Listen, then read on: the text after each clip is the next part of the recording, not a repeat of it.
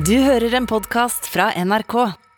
Da jeg annonserte at temaet for eh, denne debatten skulle være russetiden, så kom det noen tilbakemeldinger om at åh, gidder dere, det er jo bare så årvisst, og den debatten har vi hørt så mange ganger. Og ja, det stemmer det. Vi i debatten har tidligere ikke tatt i den, og jeg må bare si at uh, i jobbingen med denne sendingen så har det gått opp for meg at uh, det er et vakuum her som består av uh, at ingen vil ta ansvar. Det er et lovvakuum og et rettsvakuum. Det er ikke en avklart rettstilstand på dette området, om det er mulig for politikere eller etater og direktorater å gjøre, og kommuner ikke minst, å gjøre noe med dette. Og det, når jeg sier dette, så er det altså det med ganske veldig rå og brutal utestengelse. Eh, som faktisk også skjer på den offentlige skolens område.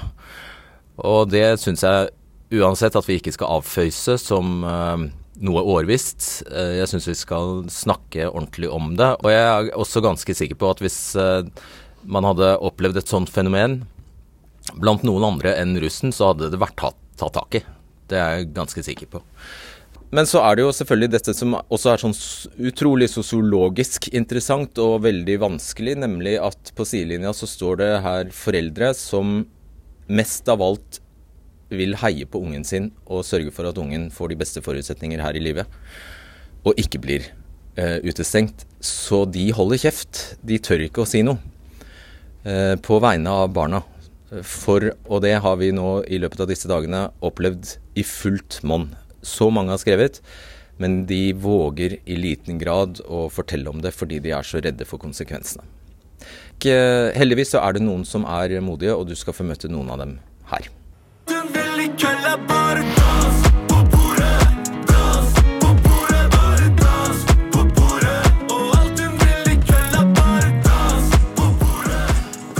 Dette her er Norges mest populære artister for tiden, og det du hører her, er Norges mest spilte sang, 'Dans på bordet'. Balinciaga har russelåter på 11., 5., 3. og 1.-plass på Norges offisielle salgsliste, VG-lista. Så sannsynligheten for at du, barnet ditt eller barnebarnet ditt digger disse her, er faktisk ganske stor. Gutter, dere skal få komme tilbake litt senere i eh, debatten mot slutten av sendingen, og da skal dere svare på spørsmål om eh, fra publikum faktisk, om hvorfor dere synger om å snorte kokain, om at damene suger dere, og at dere alltid knuller uten kondom. Og dere skal få et spørsmål om eh, mamma og bestemor er stolte av dere. Og så lurer jeg på, kommer dere til å ta dere hetten? Vi får se. Vi får se. Det blir spennende. Vi ses snart. Ja, årets uh, russekull er det første som virkelig kan slå ut håret på tre år. Mange er kjempeklare til å ta seg en real fest. Men alle vet at medaljen har en bakside. Jeg spurte om dere som kjente til denne baksiden, ville komme hit og dele hva utestengelse handler om. Tusen takk til alle dere som har delt, men Risikoen for konsekvenser er for stor for de fleste av dere. Men dere har fortalt historier, og her er tre av dem. Min sønn, som i dag er 21 år, hadde tre forferdelige år på videregående. Allerede i august første året begynte innstemming på russebuss. Den første høsten gikk med til å vente, bare.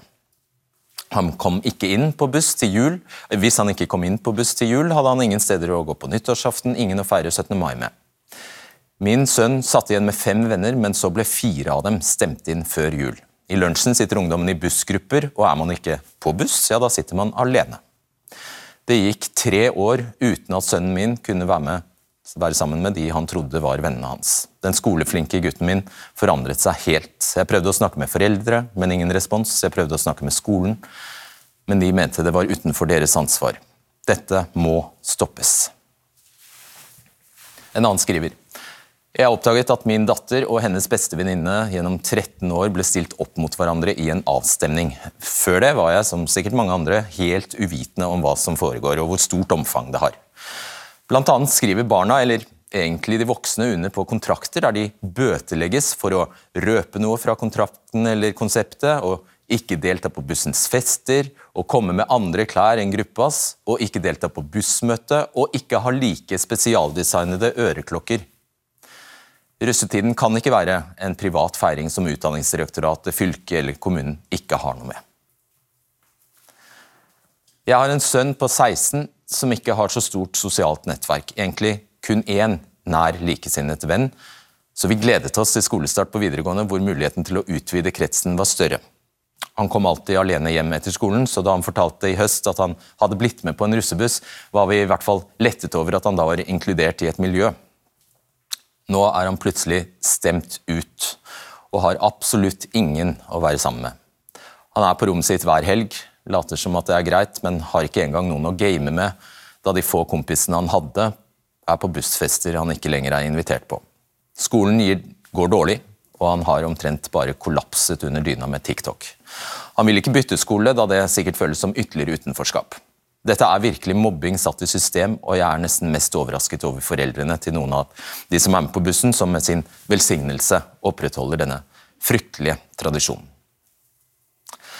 Vi vet altså at eh, det vi skal snakke om i kveld, er reelt. Jeg er veldig glad for å ha dere her, eh, Jonas Rys Sakrisvold og moren hans, Franziska Sakrisvold. Jonas, eh, du var russ i fjor, Stemmer. og da hadde dere hadde begynt å samle inn penger, du og guttene du var på russebuss med, og så plutselig skjedde noe. Ja. Hva da? Nei, det skjedde var at vi, vi var sammen og koste oss, hadde fester og tjente penger. og Det var meg og alle bestevennene mine og alle de, egentlig de eneste gutta jeg kjente. Så plutselig en dag fikk jeg bare en melding på Messenger om at jeg får ikke lov til å være med mer. Jeg kan ikke møte de, det, det er ikke sånn det funker. Altså, jeg fikk ikke lov i det hele tatt. Så etter det så mista jeg alle vennene mine, alle jeg kjente. Jeg hadde ingen, ingen å gå til, ingen å snakke med. Så Hvordan var det? Nei, det var jo helt jævlig. Um, det var mye sinne, jeg var lei meg. Jeg gråt. Jeg hadde ikke lyst til å gå ut. Jeg sleit med å være i timen. Jeg klarte ikke å være der hvor det var mye mennesker. Og det var veldig, veldig tungt. Eh, Det kan hende at en del seere har fått med seg historien eh, før, fordi eh, du sto fram i Asker og Bærums Budstikke og på TV 2. Nå er du heldigvis Det er heldigvis forbi. Ja, det er det. Fordi nå, Hvor gammel er du nå? Nå er jeg 20, så Ja. det er over nå. Men hva har du gjort med deg? Det jeg gjorde med det, var jo først å fortelle moren min om det og snakke med foreldre. Og de skjønte jo ganske tidlig at jeg ikke hadde noe bra. Um, og da snakka jeg litt med helsesøster på skolen, og det funka jo litt. Men det, jeg la ikke merke til at det funka med en gang heller. Uh, og så dro jeg opp til legen min og snakka med han som, som en psykolog. da. Og bare snakka med han flere ganger i uka og tok litt pause fra skolen, rett og slett, fordi jeg klarte det ikke. Det var altfor vanskelig å sitte der og prøve å gjøre noe når alt var vondt. Um, og så fikk jeg en kompis da til slutt som var veldig, veldig hyggelig. Og jeg klarte å snakke med han hele tiden og fortalte om ting, og så ja. Franziska Sakrisvold, ikke bare er du mor til Jonas, men du er også helsesykepleier. Hvordan er det å være begge deler? Ja, for det første så er det jo utrolig hjerteskjærende å stå på sidelinjen og se hva som skjedde med Jonas. Ehm, eh, han gikk jo fra å være en eh, oppegående, fin gutt eh, med hele livet foran seg, kjempeglad og fornøyd, og alt var fryd og gammen, til å bli deprimert og ha angstsymptomer og virkelig slite, da. Så det var veldig veldig tøft å være foreldre og stå på sidelinjen og se på det. Ehm, Og, og de tingene som Jonas forteller om her, er jo ting som jeg opplever også som helsesykepleier på en videregående skole. Eh, Så for meg Da skal jo du liksom kunne hjelpe. ja, ikke sant? Og det, det, det, det er jeg kjempestolt av han, for han eh, har kommet seg gjennom, eh, og han tok imot hjelp. Og jeg tenker at det Men som mamma eh, så er det vanskelig å skulle være den som gir hjelpen, for det er ofte kanskje ikke rette person. Så det å gå som, som Jonas har gjort, da, å ta imot hjelp fra andre, det har vært veldig, veldig bra. Hvordan har du det i dag? Mye, mye bedre. Nå ble jeg med på ny russebuss, og de gutta var jo helt fantastiske. og ja, Nå koser jeg meg. Det, det er veldig bra nå. Så godt å høre. Eh, hva er rådet til foreldre som opplever dette? Jeg tenker at uh, de må snakke med barna sine, med ungdommene. Altså, selv om man starter på videregående skole, blir 16-17-18, så ikke slutt å bry dere. Uh, vær til stede. Uh, spør, reflekter rundt ting. Gå gjennom disse kontraktene de skriver, for der står det mye som, som ikke er bra. og de, de, kommer seg liksom inn i en eller annen sånn verden og et gruppepress som er veldig vanskelig å stå imot da, når du først er der inne. Så... Men, hvis ungdommen gjør som vi hørte her, bare gjemmer seg, ja. ikke vil snakke om det fordi det bare er for kjipt og for ja. uh, vanskelig, hva gjør man da? Være til stede og, og, på en måte være sammen med dem i følelsen. Da, tenker jeg, At du må på en måte være, at de har en trygg havn hjemme, men også etter hvert pushe dem litt av gårde videre. og hør på Jonas sin historie. Eh, vit at det er håp, og at, at man kommer videre. Men, og jeg håper jo nå at, at, at dette her når ut, da. Så det er noen som kan se at det, det kan bli bra igjen. Ja. Hva skal vi lære? Nei, det, er, det jeg skal lære, er vel egentlig bare at det er personer som burde egentlig skjerpe seg og tenke over hva man gjør, før man gjør det. Um, og så ja, snakke med, snakke med folk. Ikke være redd for å fortelle om ting. Selv om det føles vondt, så det, hjelper det veldig. Fordi, fordi det ble litt nysgjerrig på, Føler man seg flau når noe sånt noe skjer? Ja, man kan faktisk føle seg litt flau. Du, altså, du blir jo kasta ut av noe. Du vet jo ikke alltid hvorfor du blir kasta ut. Uh, og da sitter du der med en følelse har jeg gjort noe gærent, eller uh, har det skjedd noe? Og hvis du ikke vet om det har skjedd noe, så kan det jo være folk snakke, du tror at folk snakker stygt om deg, og da blir man jo litt flau. og Det er vanskelig. Skjønte du til slutt hva det gjaldt? Nei, jeg vet fortsatt ikke i dag. ass. Nei. Det gjør jeg ikke. Så... Hva syns du eh, hvis, hvis, du vil ta, eh, si noe som kan eh, ja, ha den her som, som, kan trøste, hva skulle det være? Altså, du tenker på de som står altså i den de situasjonen? Som er, er, i den situasjonen, ja.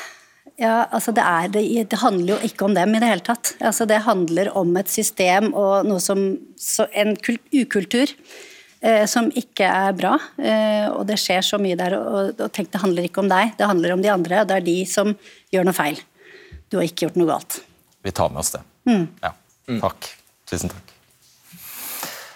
Hvis du nettopp slo på sendingen nå, så minner jeg om at du kan se debatten fra starten i NRK TV, og der finner du også tidligere episoder av debatten. Da skal jeg ønske velkommen til Emma Ingebrigtsen, som er fra Haugesund, og som arrangerer alternative russefeiringer. Ja. Så er det mobbeombud i Rogaland, Ellen Fjermestad. Velkommen. Takk. Og så er det Karianne Stordal som har startet Facebook-gruppen eh, Russeforeldre på 2020-tallet. Stemmer det? Ja. Og så er det Ingelei Østgaard, som er eh, president for Trondheimsrussen. Mm. Velkommen også til eh, Morten Hove, lærer på Dønski videregående i Bærum. Og til deg, Willy Pedersen, professor i sosiologi. Emma, du er 18 år og avgangselev på Haugesund toppidrettsgymnas. Ja. Eh, med andre ord, vi ser jo, ser jo, at du er russ. Du følte du kun, måtte gjøre noe fordi eh, Ja, eh, vi har kunnet lese det i Haugesunds Avis. Hva, hva måtte du gjøre? Jeg har da starta opp ei russegruppe for alle, der alle får lov til å være med. rett og slett fordi at jeg syns det var så trist å sitte og se på at ja, sånne brutale ting som vi hører historier om her, skjer. Eh, med bl.a. prøvefester, avstemninger eh, osv. Eh, Hva er en prøvefest? Prøvefest? Nei, det blir jo eh, arrangert prøvefester og prøveperioder hvor eh, da disse russegruppene eh, inviterer deg til å være med f.eks. en kveld, eh, og der du skal bevise da, om du på en måte er kul nok til å være med eller ikke. Og Det som er så utrolig trist, er jo at det er så mange som får nei. Eh, ja, og det er veldig alvorlig. Mm. Uh, og hva, hva, hva, gjør du, da?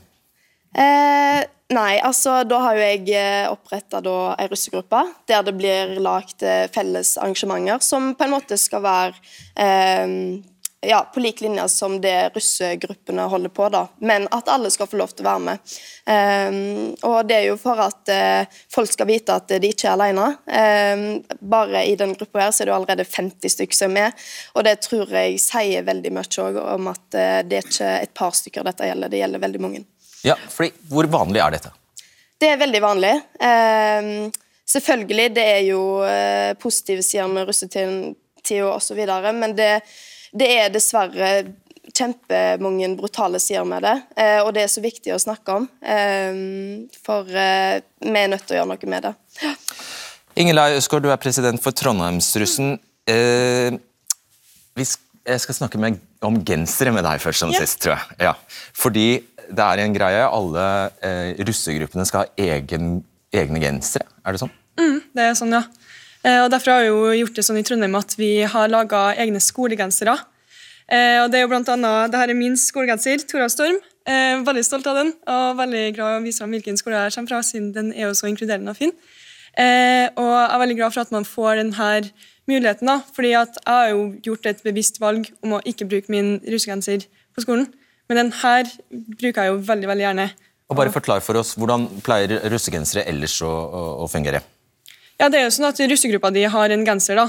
og da blir det jo veldig tydelig for dem som kanskje ikke er med i en gruppe, at de ikke er med. Da. Og at siden det også Russefeiringa er jo egentlig noe du tar utenfor skolen. Men når de her genserne blir tatt med med på skolen, så blir det jo veldig ubehagelig, og at det blir veldig mer tydelig at du er alene. da. mange er det i en russegruppe? Det er veldig varierende. Eh, på skolen min så har vi på en måte fått en kultur for at eh, man har både små og større grupper, for at eh, det er på en måte bare vennegjengen. Det er på en måte ikke sånn som prøvefesting, som, som vi hørte om her.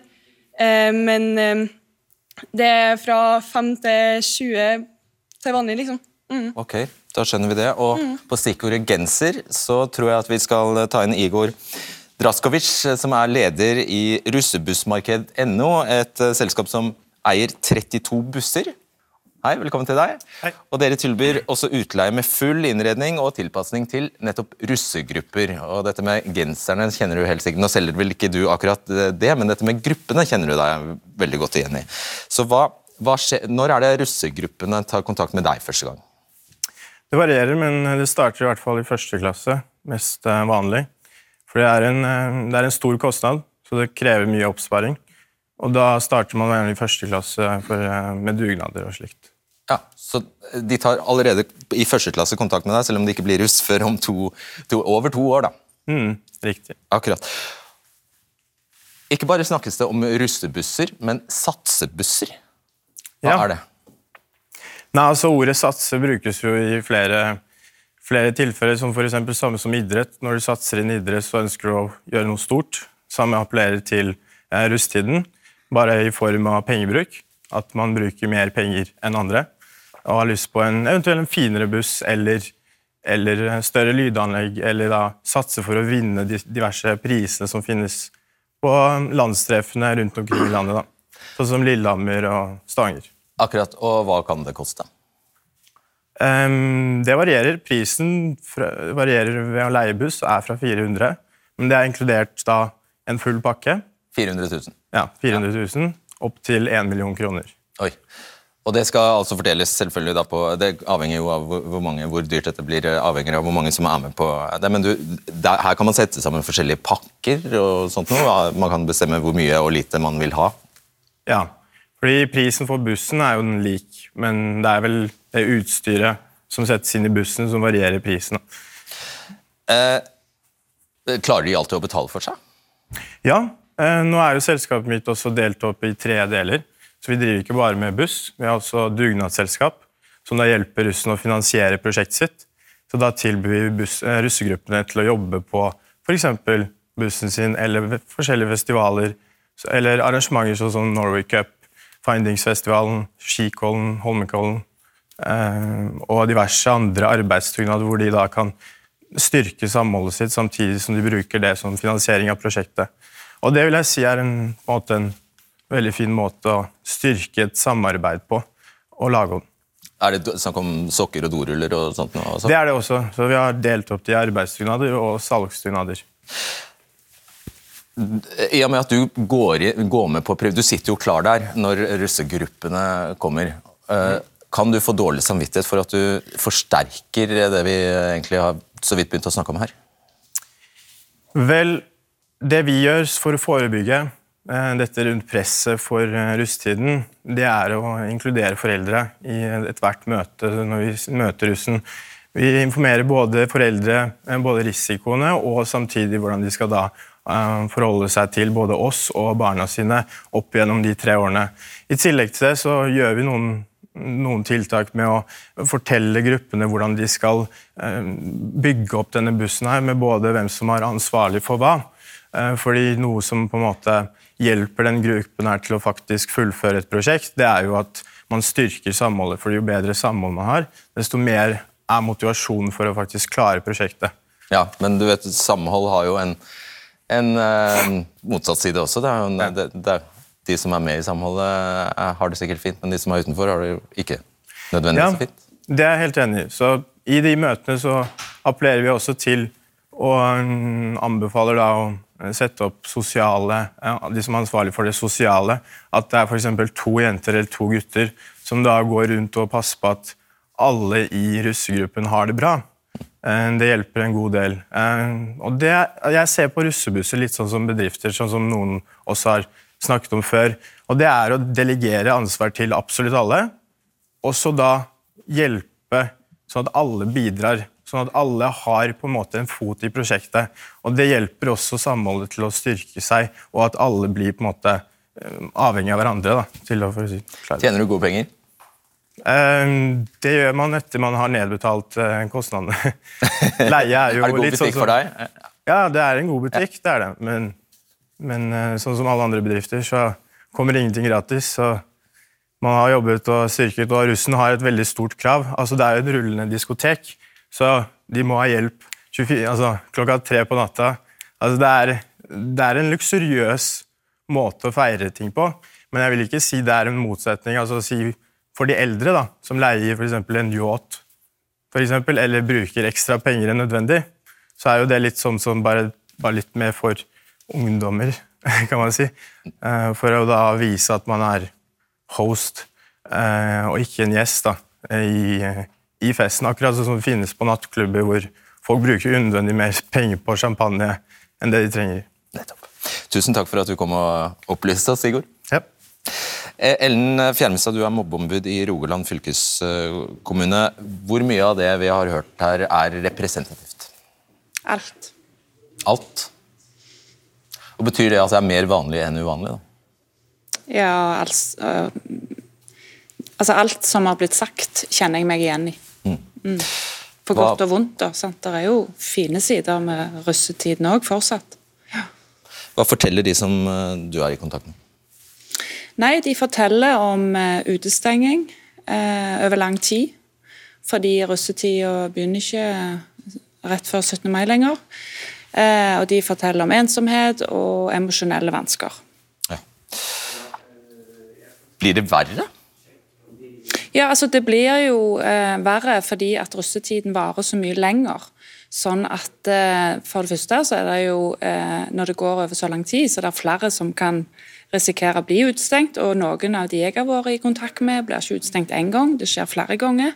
Hvordan kan det skje? Ja, Det skjer ved at først er de med i en buss, og så blir de utestengt fra den. Og så er det himmel og jord i bevegelse, og foreldre med penger eh, på han igjen, og nytt prosjekt med en van, og så blir han gjerne utestengt fra den. Eh, for dette pågår jo gjerne over tre år, om hvem som er inn og ut av de forskjellige bussene og vanene. Eh, det begynner jo gjerne i slutten av ungdomsskolen, faktisk. Ehm, sånn at det er klart at det er flere som kan rammes, eh, og noen kan rammes flere ganger. Og det forsterker jo da eh, en eventuell emosjonell vanske.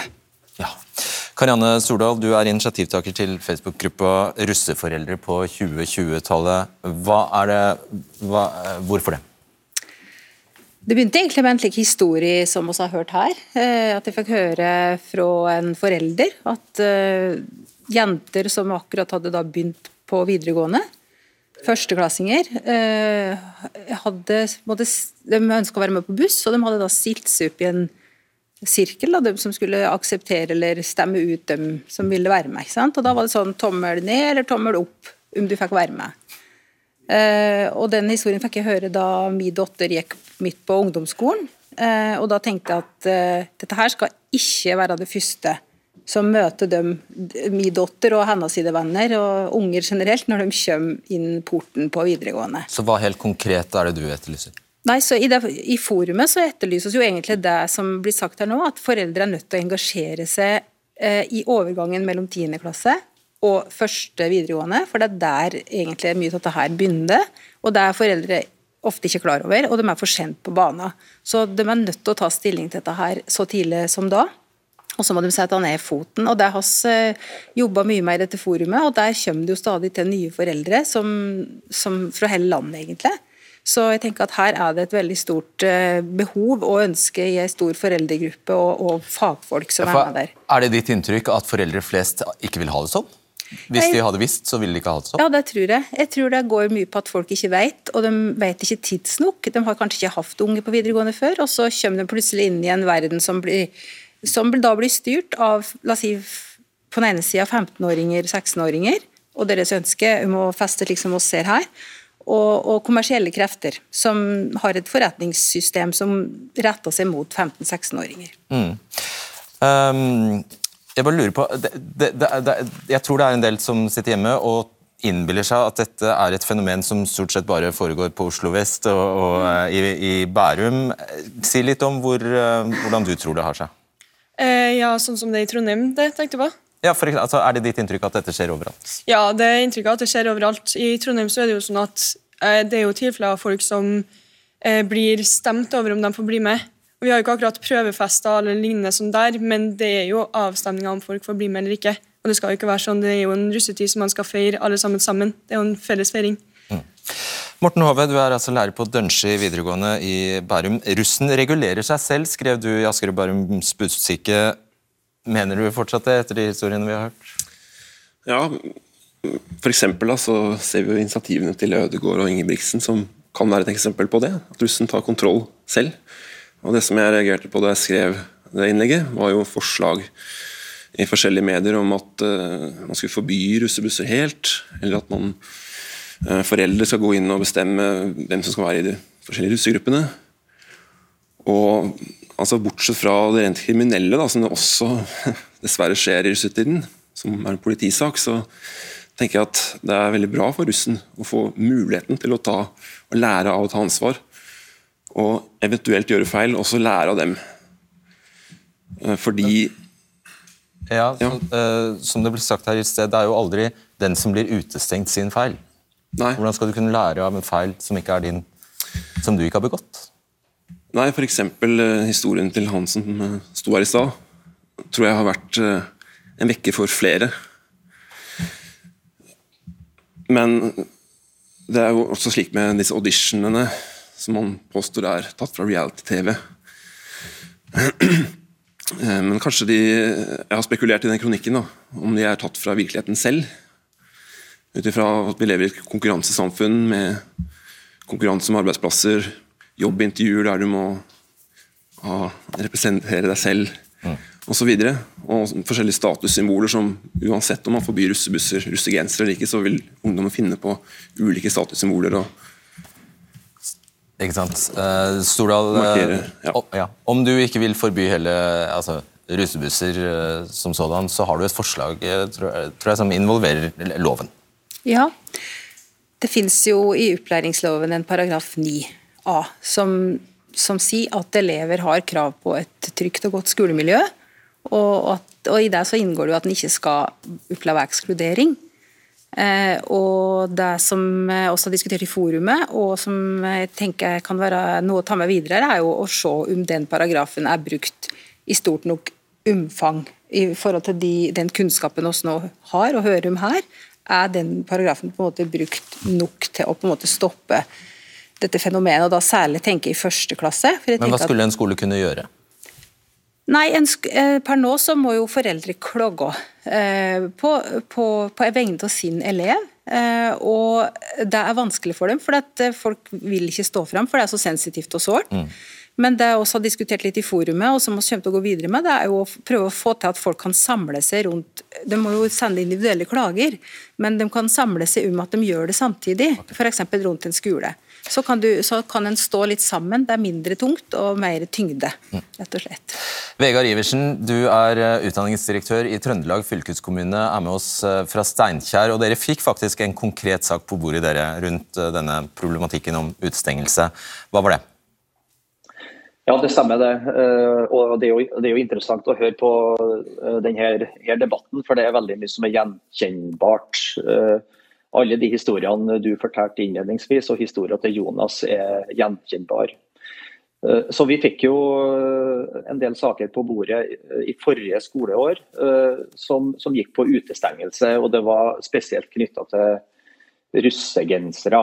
Der at enkeltelever ikke var med i gruppe, og fikk dermed ikke sitt navn på, på sin, sin, genser. Eh, det kunne være én eller to elever i en klasse, og det kunne, kunne, være noen få elever på en skole, faktisk. Og Da, da er vi gjennom uh, den loven som Stordal her uh, refererer til, da er vi pliktig til å aksjonere. Eh, da, da, da, skal uh, vi uh, sjekke ut og, og, finne ut om elevene har et trygt og godt skolemiljø. Og Det, det gjorde vi. Og vi gjorde også noen vurderinger på om, om, vi har mulighet til rett og slett å forby sånn, sånn, type russegensere som ekskluderer enkeltelever. Mm. Vi gjorde en juridisk vurdering på at det var mulig, men for sikkerhets skyld så, så henvendte vi oss også til Statsforvalteren, som igjen tok den saken til Utdanningsdirektoratet. Og hva svarte de?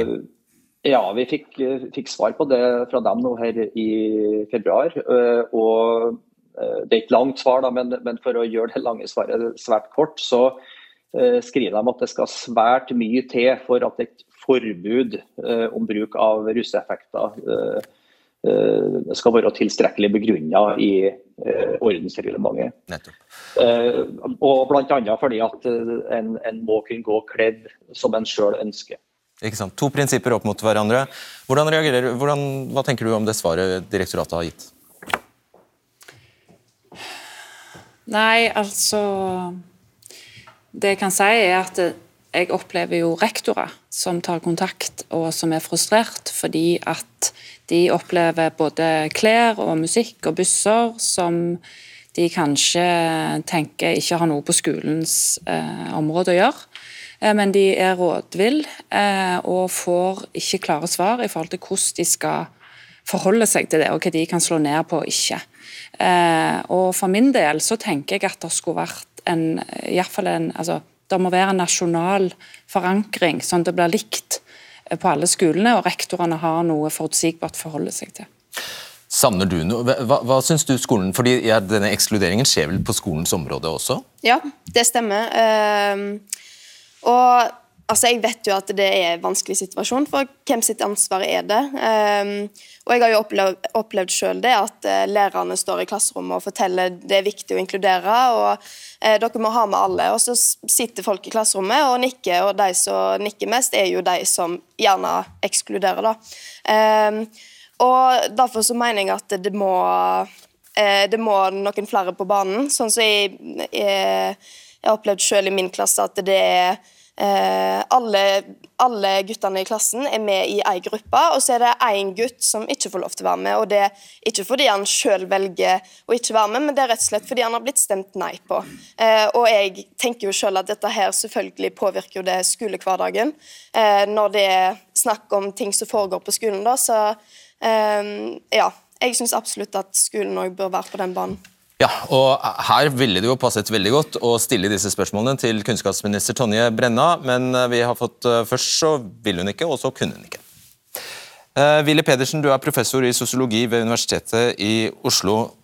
Du har faktisk studert russen, og dette er en lang, gammel tradisjon i Norge. Vil du bare raskt ta oss tilbake til når det startet? Så jeg tror nettopp det at det har vært et elitefenomen i veldig lang tid, er én nøkkel til å prøve å forstå dette. Altså De første russen vi hadde i Norge, de var knyttet til da det kongelige Fredriks universitet, som senere ble Universitetet i Oslo, etablert i 1811. Og Selve ordet russ kommer fra et gammelt rituale, cornua depositorus, som var et sånn innvielsesritualet man hadde i europeiske universiteter på den tiden. Så det er den siste delen av dette. Og Det var selvfølgelig samfunnets definitive overklasse. altså Unge menn som kom fra Mange hadde fedre på veidsvoll sikkert. Som da fikk rangle rundt i eh, drikkestuer og lage bråk og trøbbel. Senere så ble det altså da knyttet til avslutningen av videregående skole. Eh, men lenge så var det jo ganske få. sånn at, eh, la meg si det sånn, Hadde dette vært noen tømrerlæringer som hadde fått svennebrev, så tror jeg ikke vi hadde hatt denne situasjonen. Oh ja, hvor, da, tror, hvor, hvor, nei, altså, hvordan man, tenker du da? Man har akseptert dette fordi det er samfunnets elite som har representert denne tradisjonen. Så ble det etter hvert da knyttet til stadig større grupper. Men jeg vil si den store endringen var på 80-tallet, hvor vi begynte å få bussene. For Det er jo det som egentlig ligger sånn strukturelt under det vi nå snakker om. Mm. Bussen er et lukket fellesskap, altså både bokstavelig ved at du lukker verden ute, i det som skjer på bussen. Det skal man ikke ta ut av bussen. Eh, men også ved at det er bare et begrenset antall personer som får være med på bussen. Så det er den liksom, strukturelle mekanismen som jeg tror veldig mange foreldre som var russ kanskje for 30-40 år siden, ikke opplevde.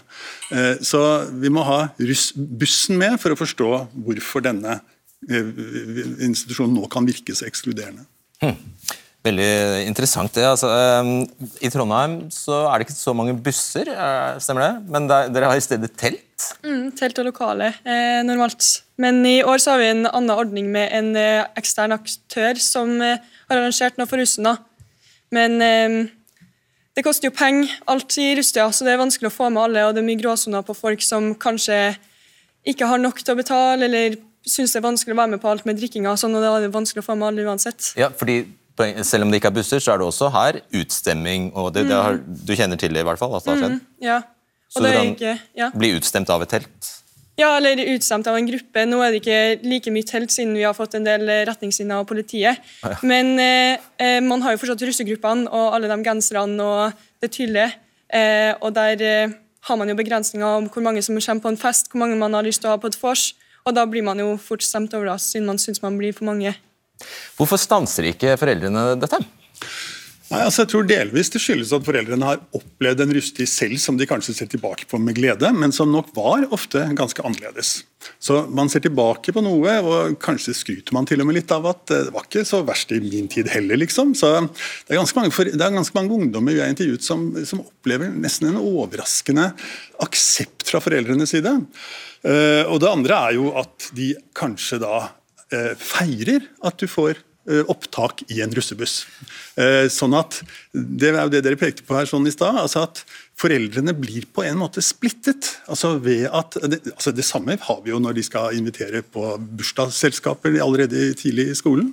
Altså Hvem skal få være med? Enten skal du invitere hele klassen, eller bare fem. liksom. Altså Det er masse diskusjoner om dette. Det er jo ikke sånn at voksne mennesker eh, ikke driver og jager etter status? Nei, nettopp sånn at jeg tror at ganske mange foreldre puster lettet ut den dagen barnet er stemt inn på den kuleste russebussen på skolen. Hva viser forskningen? Ønsker egentlig ungdommen å bli regulert? Altså Ungdommene er jo veldig glad for å ha det gøy, og jeg tror nok en god del nok kunne blitt uh, altså sensitivisert på de eksklusjonsmekanismene. Men det er faktisk uh, sånn at foreldrene nok kunne vært atskillig med på ballen og deltatt i uh, diskusjonene om hvem som skal ha lov til å være med og ikke. Og det, det vet foreldrene noe om fra før. altså. Ja, hva sier de, foreldrene du møter? Jeg har ikke så mye kjennskap til ja, Elevene da, Ønsker de å bli regulert? Jeg, jeg tror at uh, elevene er uh, altså Det er tross alt også myndige elever vi er snakk om, fra halve videregående og ut. Um, så Hvis de får sjansen til å ta sine egne valg, så tror jeg de ofte klarer å regulere seg selv, eller bør få muligheten til å klare det. Også å velge en russetid som ikke er dyr, som ikke involverer uh, stort forbruk osv. Mm. Uh, Stora? Jeg blir også håpefull når jeg ser eh, disse eksemplene som vi har her. Og så blir jeg håpefull når jeg ser hvor mange foreldre som nå kommer inn i, inn i forumet. Og jeg tenker at Den politikeren som tar denne saken og gjør den til sin, den tror jeg har en vinnersak. Og Vi kan ha trua, tror jeg, for røykeloven viste oss jo at det gikk an å gjøre ganske utrolige ting som ingen trodde gikk an på forhånd. Og Der tror jeg går an her òg. Eh, I Rogaland så ble det gjort, eh, lagt en erfaringsrapport i 2019. Eh, og Der var Universitetet i Stavanger Læringsmiljøsenteret, politiet og fylkeskommunen som gjorde. Og Der viser jo den at eh, russen vil faktisk ha de voksne på banen. Eh, og det syns jeg vi skal ta vil med ha oss. strengere regler? Ja, nei, det sier ikke jeg han sier, men han sier at en vil at de voksne skal være på banen. Eh, Og tar de på alvor og følger de opp. Og Hvis en ser det i sammenheng med at ja, en er myndig, men en er ikke voksen og en er ikke ferdig utvikla. Frontallappene som sitter her, de er ikke ferdige før du er mellom 25 og 27 år. Så disse russen de skjønner ikke alltid konsekvensene av det de gjør. og Derfor trenger de de voksne med seg her. For siste ord i denne runden. Emma. Eh, altså Dette starter jo veldig tidlig, som vi har vært inne på. Allerede fra ja, til og med ungdomsskolen. Eh, og Derfor så er det så viktig at foreldre og ja, eh, blir med på Og jeg har jo vært i kontakt med flere foreldre sjøl som sier at de ikke visste at det var så gale. Eh, og når det gjelder eh, dette med grupper og sånne ting, så er det jo ikke snakk om vennegjenger som møtes eh, på felles vorspiel og sånne ting. Det er jo snakk om eh, en gruppe som setter en logo på og har etternavn bak på genser, som har vært inne på. Eh, hvor det er liksom dette er oss, og det er bare de som får være med. Eh, og det er jo det som gjør at eh, det blir så mye ekskludering, sant? for det er ikke rom for nye og andre til å være med. Og siden det starter så tidlig, så er det jo derfor så viktig å ta tak i det så tidlig òg, da. Mm. Ok, jeg tror vi sier tusen takk for den runden, og jeg håper inderlig at både dere ungdommer, egentlig også selvfølgelig foreldrene og dere politikere, hørte dette.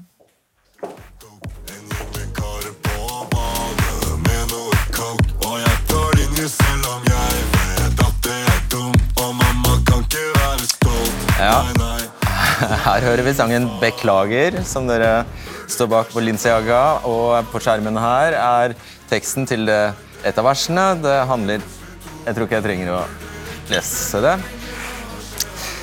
Eh, men eh, det er sånn at vi i debatten ba dere seere om å sende inn kritiske spørsmål til dere, faktisk fordi dere ba om det selv. Dere synes det det er morsommere, det. Ja, ikke sant? Jeg er helt enig i det. Eh, Dere syns det var en god idé, så vi gjør det. Helt Ja, enig. La oss gjøre det. Nydelig. Start med et snilt et. da. Eh, Hvem er det primært dere lager musikk for? Nå lager vi musikk for alle i Norge, da. For å Eller festglade mennesker generelt, egentlig. Festglade mennesker. Ok. Men det er flest yngre som hører på dere, eller? Målgruppen var til, altså, først det, og til brus, og så har vi liksom gått litt ut av det også. da. Så nå er det brått alle aldre. Ålreit. Uh, ja, uh, da Første spørsmål som er innsendt her. Hvorfor må narkotikabruk framstilles som noe kult? Liker dere virkelig å bruke narkotika? Vi tenker jo ikke at narkotikabruk må fremstilles som noe kult i det hele tatt. Eh, Den siste låten, 'Beklagerne', handler jo egentlig om akkurat det at det, okay, det er egentlig ikke så fett, men så kanskje man gjør dumme ting likevel, liksom, men det er ikke kjempekult. Eh, Vi, vi tenker sånn gjennom musikken at vi reflekterer sånn som kanskje i hvert fall vår oppfatning av virkeligheten er, og så kan man synes det man vil om, om det, men det er i hvert fall nå en gang sånn, sånn realiteten er. da. Eh, Liker dere å bruke, det andre spørsmålet, liker dere å bruke narkotika? Det er vel irrelevant. Nei, det er tydeligvis ikke. De publikum syns det- det er relevant. Ja, nei, men det, Det vil de ikke svare på. Ikke svare på her. Nei, nei, det er greit. Uh, ja, hva tror dere skjer med hjernen til en 13-åring når han hører tekstene deres? Vi tenker vel egentlig at sånn overall så man blir jo eksponert for diverse, om det er liksom fest eller alkohol eller narkotika i mange steder. Så vi tenker ikke at våre låter liksom gjør en kjempestor forskjell i alt annet som blir eksponert for. Um, Enda dere har liksom tre låter inne på topp top ti. Det gir jo en påvirkning, det. ja, men, men vi, vi føler på en måte ikke at det direkte fører til at den 13-åringen går og bruker narkotika. Kanskje det heller kan eh, skape samtale, at man snakker om det. Og, og jeg mener, Det er jo et tema uansett, om det er Exit-serien eller folk syns det er spennende. Så det er liksom Ja. Man blir eksponert for det. Stempler dere alle damer som horer, og hva tenker dere om kroppspress og drikkepress? Vil du prøve? Altså, akkurat nå så er jeg ikke helt sikker på om vi har en sang som sier akkurat det, men uh, jeg kan ikke huske det i hvert fall. Ja, vi føler ikke vi stempler alle jenter som horer, eller vel en, noen horer i det hele tatt. Jeg føler ikke vi sier det. Dere sier ho, i hvert fall. Ja, ho. Men det sier vi til både gutter og jenter. Og slangen ho er liksom ikke Men betyr det noe annet enn det jeg, tror, jeg trodde det betyr? Ja, det er ikke direkte prostituert, nei. det er det ikke. altså, Man snakker liksom om hoes, og gutta er hoes og er litt løse. Og damer Er det et kompliment å bli kalt ho? Jeg vet ikke, men vi kaller oss sjæl hoes. Og vi kaller Ja, det, ja. Ja, ja. Det ja, Kanskje det? Kanskje det. Kanskje det. Ok, Vil dere si at dere er i denne samme gata da, vil dere si dere har et godt kvinnesyn når tekstene deres sier det mot Det er en påstand, da. Ja, fra. Vi er vel ikke enig i den påstanden. Vi føler ikke at tekstene våre er så kvinnenedverdigende i det hele tatt. egentlig. Bare litt? Nei, ikke noe mer mot kvinner enn gutter, faktisk. Ok. Det var, mm. Faktisk. Faktisk? Faktisk. Ja. Absolutt. Greit. Men ja, hvorfor synger dere da om horer, feite damer og dop? Det igjen føler vi ikke er våre låter heller. Vi, om dop det er vi med på, men om feite damer og horer Vi bruker ikke ordet horer eller feite damer i låtene. Hva, hva handler tekstene om? For, eh, for Hvis vi du hører på har Dans på bordet, for eksempel, da, handler det bare om en jente som har lyst til å danse for seg selv på en fest, og hun har lyst til å danse på bordet. Det er jo ingenting annet enn det. Ja, den er faktisk veldig uskyldig. Ja, det er to baller, og det er alt. Mm. Heldigvis er det den som har førsteplass, og da Ja, ja. det er bra, det. Ja. Uh, den som heter Loud Luxury, er jo Bad bitches, de går low, de lager show, de snorter coke. Hva betyr de tre setningene der? Bad bitches, det er kompliment. Hvis de er bade, så er det liksom Det er jo bra. Det er ikke noe. Og så er det jo bare en realitet at det er det, det er det folk gjør. I hvert fall, Det er vår oppfatning da, av Mm. festmiljø og, og festkultur. Ja. Det er Ja. eh, overraskende normalt. Alright.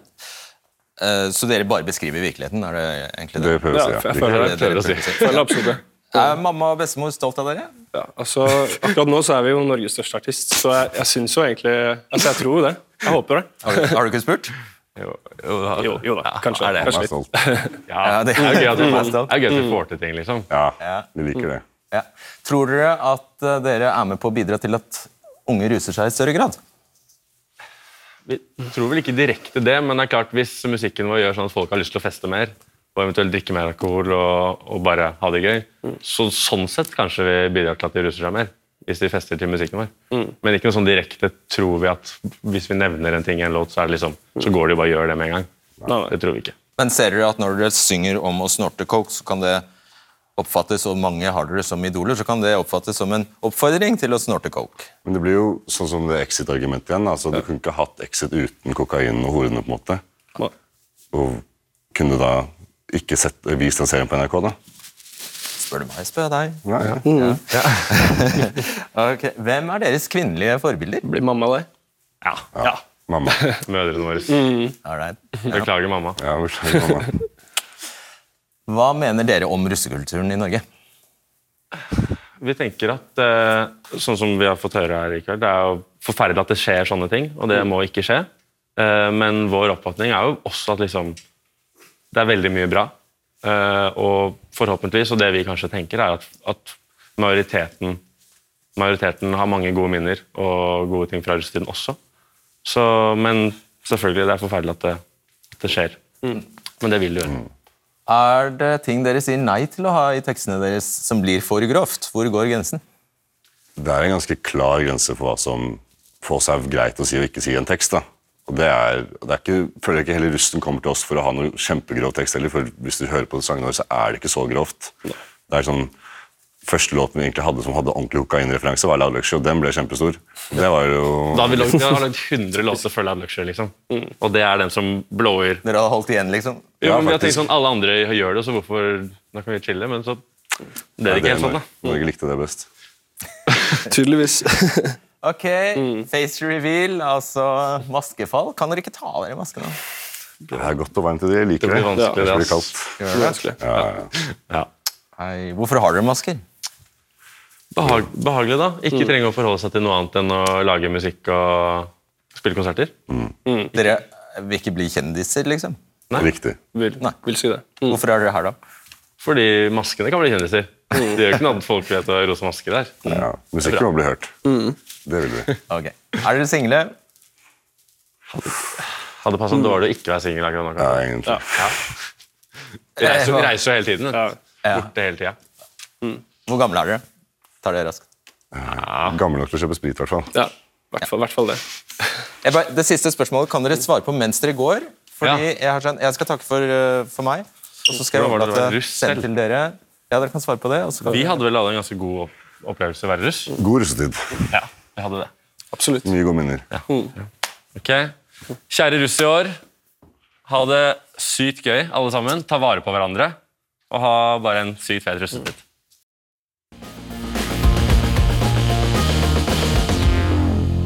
Jeg håper dette var et interessant innblikk for deg som eh, var ukjent med denne kulturen, og kanskje også hitlistene om dagen. Jeg syns vi fikk etablert at dette slettes ikke er et snevert fenomen som bare foregår på eh, Østlandet. Vi fikk eh, konstatert at det gjelder overalt. Jeg har i løpet av disse dagene fått mange tilbakemeldinger fra små steder i Norge der dette skjer bare på andre måter. Om det ikke skjer på en buss, så kan det skje på en bil eller en van, eller, eller som vi hørte her, i et telt. Så hvis eh, Jeg tror vel det koker ned til spørsmålet om, at, eh, om man vil motkjempe det som antagelig ligger veldig dypt nedfelt i menneskets natur. Dette med sortering, utestengelse, segregering eh, osv. Vel, dette var vårt bidrag i hvert fall. Da eh, sier jeg bare på gjenhør til uka. Ha det bra. Du har hørt en podkast fra NRK. De nyeste episodene hører du først i appen NRK Radio.